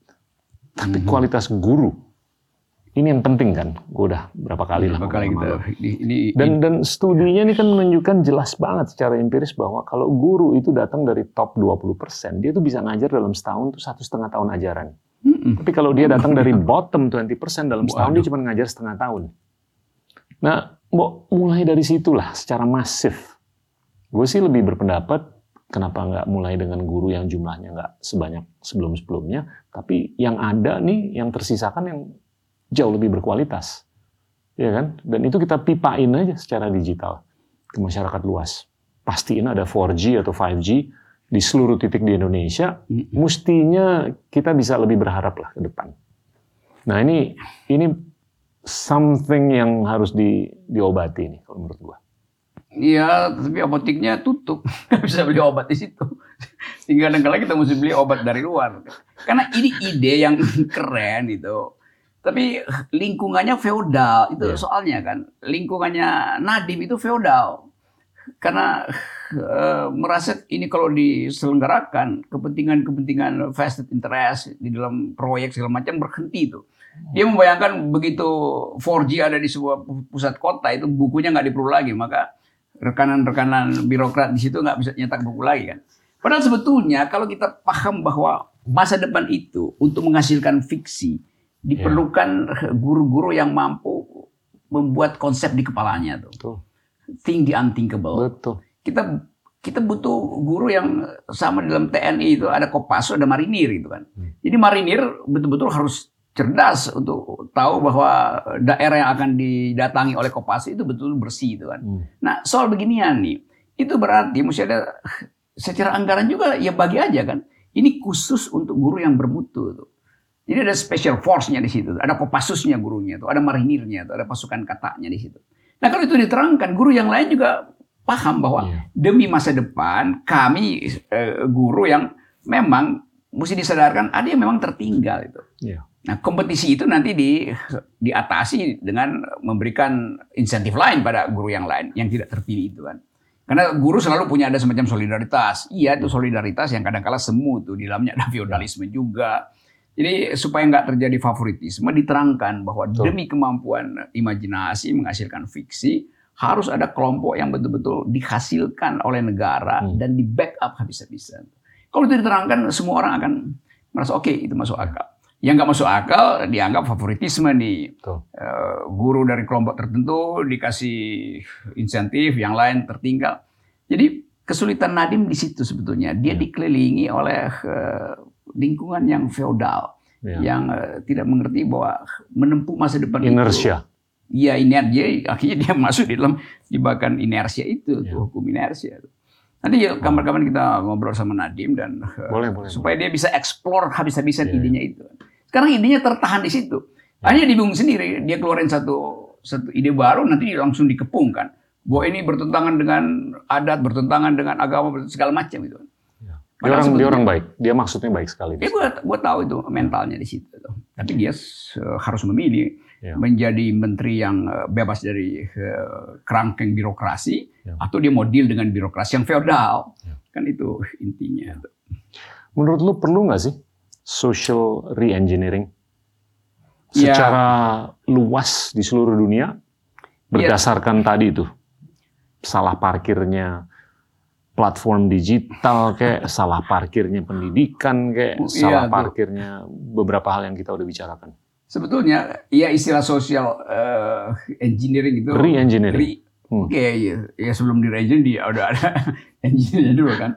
Di re-engineering itu kata yang terlalu teknis sebetulnya hmm. tuh. Kita kita eh, gue tahu maksudnya supaya ada kesempatan orang melihat uh, dunia ini bukan di dalam tempurungnya sendiri kan. Hmm. Ada tempurung kelas, tempurung uh, bisnis, tempurung environment. Kadang-kadang LSM juga ada di dalam tempurung gitu kan.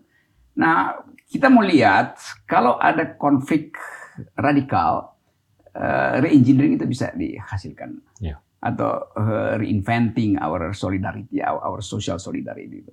Nah, ide itu yang sekarang diungkapkan oleh para pemenang Nobel kan sebetulnya maksudnya begitu kan gitu kalau kita baca Stiglitz juga Tuh. maksudnya begitu di re-engineering gitu ya. tapi mesti ada istilah yang tepat itu kalau Indonesia pasti dipancasilakan itu kan kira-kira begitu kan ya. Tapi ya kata Pancasila udah jadi kata teknis juga Tuh. bukan lagi kata etis itu ya. jadi sekali lagi uh, re-engineering itu bisa dimulai dari kelompok-kelompok kecil seperti uh, School of Government, saudara kita Irawan, udah ketiga kali gue sebut ini, karena di situ memang dimaksudkan yeah. uh, reinstall yeah. uh, hal bukan balik pada default uh, position tapi tadi kita install ulang dalam upaya membuka variabel baru untuk memandang masa depan dari perspektif fiksi gitu. bukan dari perspektif yang birokratis yang teknokratis apalagi yang tekno yeah. teknologistik semacam yeah. tadi itu jadi itu uh, ide bagus yeah. dan ide bagus semacam ini harus menghasilkan uh, perubahan politik yang juga ya. mendasar gitu. Kalau perubahan putih nggak mendasar, Tuh. kita duduk kali bicara, nah, lama-lama kita dianggap sebagai pengganggu doang gitu kan. Padahal kita mau kasih harapan ya. pada generasi baru itu. Gitu. Profesor kita Wirawan. Satu lagi nih mengenai Yo, humanity. Humanity. Ini akhir-akhir ini nih banyak apa ya retorika, narasi mengenai universal basic income. Oke. Okay. Ya kan? Mm-hmm. Yang disuarakan di negara-negara maju, bahkan yeah. akhir-akhir ini negara-negara berkembang. Gue sih ada pandangan bahwa ini mungkin menyelimuti kepentingan beberapa teknolog mm-hmm. yang ingin sekali melakukan robotisasi. Okay. Sehingga kedengarannya sih oke okay banget universal basic income. Jadinya minimumnya tuh dinaikin ke seberapa ya, tapi kenyataannya di kemudian hari hmm. udah nggak banyak lagi yang diberdayakan tenaga kerjanya. Pandangan lo gimana? Ini kan nyambung dengan humanity ke depan. Ya, itu... Karena adalah beberapa pendapat dari ahli sejarah, ahli antropologi, ahli masa depan bahwasanya ke depan nih niscaya akan terbentuk spesi yang useless. Iya. Mengingat kesenjangan nggak akan terobati, mengingat demokratisasi ide tidak tersikapi dan segalanya. Semakin lama nih komunitas nih akan terpilah dan yang paling bawah nih bisa dibilang superfluous atau useless. Iya, kayak itu nggak berguna karena berlebih gitu ya. Iya kan semua ide tentang kesosialan manusia itu didasarkan pada prinsip egalitas, ya. kesetaraan tuh. Nah, kita udah dengar ide semacam ini sejak revolusi Prancis itu ya. bahwa uh, semua orang diikat oleh uh, prinsip fraternity, persaudaraan segala macam, egalite, liberté itu. Kita juga tahu ide yang sama diucapkan oleh Eh, pemikir-pemikir awal uh, ekonomi sosialis, Marx lakukan itu tuh. Tapi komposisi-komposisi dari pikiran itu selalu batal hmm. karena kalkulasi teknisnya tuh. Ya. Jadi bukan karena idenya. Demikian juga nih universal uh, basic income ini kan, ya. Yang dimulai oleh siapa yang anak muda Belanda itu kan. Nah, sama seperti dulu uh, ide dari uh, Thomas Piketty itu yeah. buat menghitung ulang uh, sistem perpajakan yang hmm. adil gitu kan. Nah, ide ini tidak mampu untuk membayangkan bahwa ada satu kelompok yang bagi dia bukan income yang penting, yeah. tetapi akses aja. Ya. Karena kadang-kala juga orang merasa tersinggung, ngapain sih gue di, di, disamaratakan uh, income-nya, gue nggak penting-penting amat kok income itu tuh. Ya. Dia lebih penting ada kesosialan manusia. Hmm. Sama seperti ini tanah ini misalnya, yang kemarin jadi uh, huru hara itu. Dianggap, Rok, lu kenapa sih nggak uh, tanah lu itu lu daftarkan supaya jadi hak milik itu? Kan kalau uh, hak garap kan lu bisa diserobot tuh. Gue bilang kenapa kenapa gue mesti bikin hak milik? Kalau gue bikin hak milik supaya nggak diserobot, artinya gue anggap tetangga gue itu maling semua tuh mau nyerobot gue kan. Jadi ide itu yang nggak masuk di orang. Sehingga dianggap hak milik lebih tinggi dari hak garap itu. Bukan, itu hak yang paralel tentang berguna nggak buat apa. Kalau gue nggak ingin memiliki tanah, ngapain gue bikin hak milik kan? Kalau gue cuma sekedar ingin menggarap, ya hormati aja hak garap gue kan. Jadi soal semacam itu, make universal eh, basic income itu bagi sebuah negara menganggap bahwa Uh, kalau kita pakai itu misalnya di Butan, orang Butan akan merasa ngapain ada yeah. universal basic income, hmm. gua, pintu gua nggak pernah ditutup yeah. tuh. Jadi lokalitas Mereka dari ide. Iya, jadi ya itu pentingnya tuh. Uh, dia uh, harga diri dia itu udah terpenuhi dengan yeah. rasa damai dia itu. Yeah. Jadi uh, ini kan ide-ide yang sama seperti ide KPK berani jujur itu apa namanya? Uh, apa itu tagline lu KPK berani jujur itu keren apa apa gitu kan. Kan ada kan? Lo iya berani jujur keren. Karena itu dimaksudkan buat orang yang tidak jujur. Yeah. buat gue dosen ngapain tuh ngajarin gue berani jujur? Pasti gue jujur karena gue larang orang plagiasi kan. Bagi pemuka agama itu juga menghina. Harus diingatin berani. Dari awal dia justru berani jujur keren. Iya. demikian juga nih universal basic income kadang kala dia terlalu teknis nyasar pada satu kelompok idenya bagus, tapi bagi kelompok yang lain yang sistem nilainya uh, uh, udah ya udah makrifat sistem nilainya, Betul. dia tidak mencari lagi income, ya. dia mencari keterangan batin dan itu yang sedang berubah sekarang. Justru karena katastrofi COVID ya. dan ancaman kekerasan dunia itu semua orang balik pada semacam uh, uh, kan kalau kalau dunia melebar dan ternyata menyengsarakan orang balik pada dunia batinnya.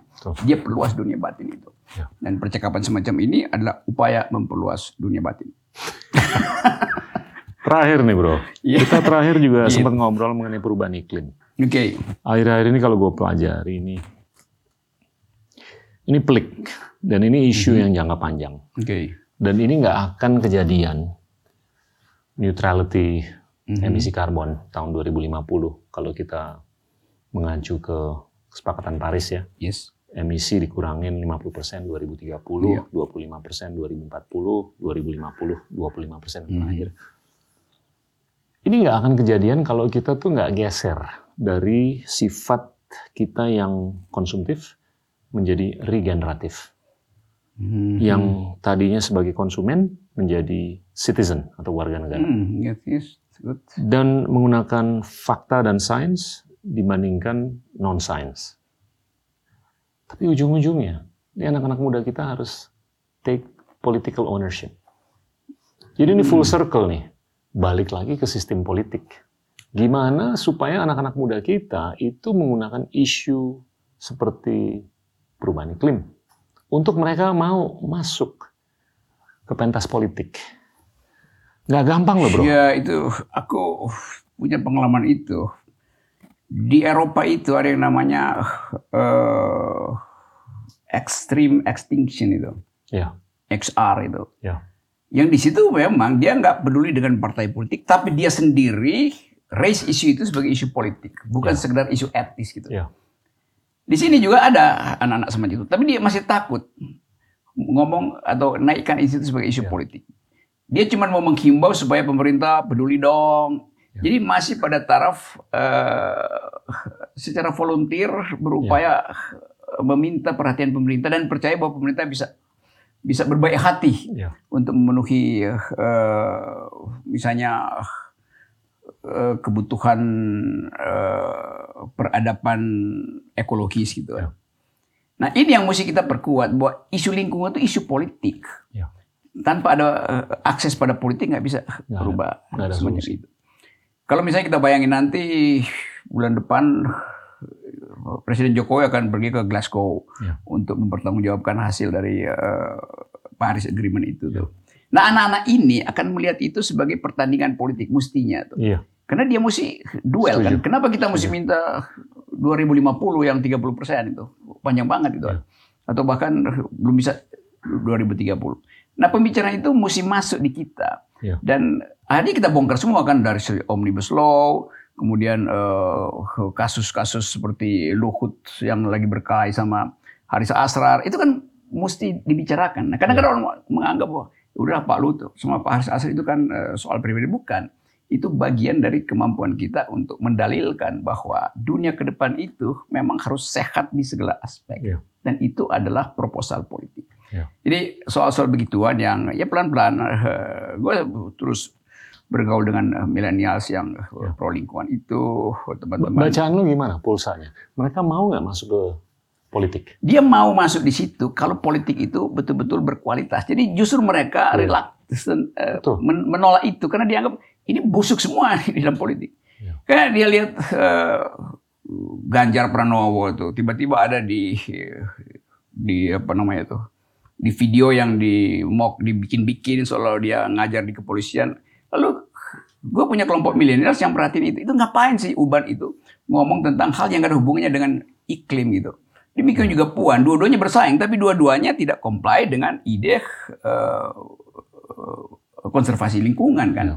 Jadi milenial sebetulnya ngerti bahwa ada desain alternatif untuk menghasilkan Indonesia tuh. Ya. yang adil, bermutu, bersih itu. Tetapi politiknya buruk. Ya. Di Eropa ada partai hijau tuh yang Betul. orang bisa minta tolong di situ untuk ya. lobby di parlemen kan. Ya. Nah kita kadangkala problem lingkungan di Indonesia kita mesti lobby partai hijau di Australia ya. supaya bunyiin dulu baru kita bergerak di sini kan. Jadi betul tadi gitu lu punya obsesi untuk menghasilkan generasi yang hijau. Ya. Hijau berarti berupaya untuk membayangkan Indonesia yang lain. Ya. Tetapi generasi yang hijau itu bertemu dengan politik yang dikuasai oleh merah dan kuning doang. Ini ini, ini gue main-main fiksi aja nih. Tapi gue ngelihat kalau anak-anak muda itu masuk partisipatif dalam proses politik dan mengambil isu yang sifatnya jangka panjang. Hmm gue lebih gue lebih enak mengenai iya, masa itu. depan iya kan dan hmm. sekarang tuh orang kebanyakan yang muda tuh yang berbakat iya itu ngambil betul, pilihan itu. milih untuk nggak mau ikut iya itu iya kan? itu gue tahu sih itu betul-betul iya. begitu dan dan gimana untuk mereka bisa partisipatif dan itu sebagai crusader bukan nyari vokasi iya memang tuh itu itu challenge kita ke depan ya challenge kita yang uh, ya perlahan bisa di di uh, susupkan pada pikiran mereka itu yeah. bahwa politik Indonesia nggak akan terus menerus dikuasai oleh gabungan antara uh, merah dan kuning yang gabungannya adalah orange itu kan. Kan kadang-kadang kita mesti pakai cara itu tuh supaya mereka juga punya fiksi tentang uh, masa depan Indonesia yang hijau. Kira-kira begitu tuh. Itu fungsi mendidik begitu. Aku lakukan tiap hari itu soal Waktu mesti plan, nerangin itu. Karena mereka udah anggap ya udahlah uh, mending dia jadi generasi yang gak ada kaitannya dengan sejarah Indonesia tuh. Iya. Kira-kira begitu pikirannya kan. Iya. Gitu. Wow. Ya. Ada lagi bro pesan-pesan? Kita harus mempercepat end game. Udah ngobrol banyak nih. Pasca COVID, demokrasi, humanity, teknologi, bisa bikin seri ketiga. Kita bikin seri berlanjut nih sampai betul-betul Indonesia bisa dihasilkan ulang di dalam taraf taraf fiksi. Iya, gue pengen gitu. anak-anak muda itu lebih keren ke depan. Hmm. Thank you banget bro.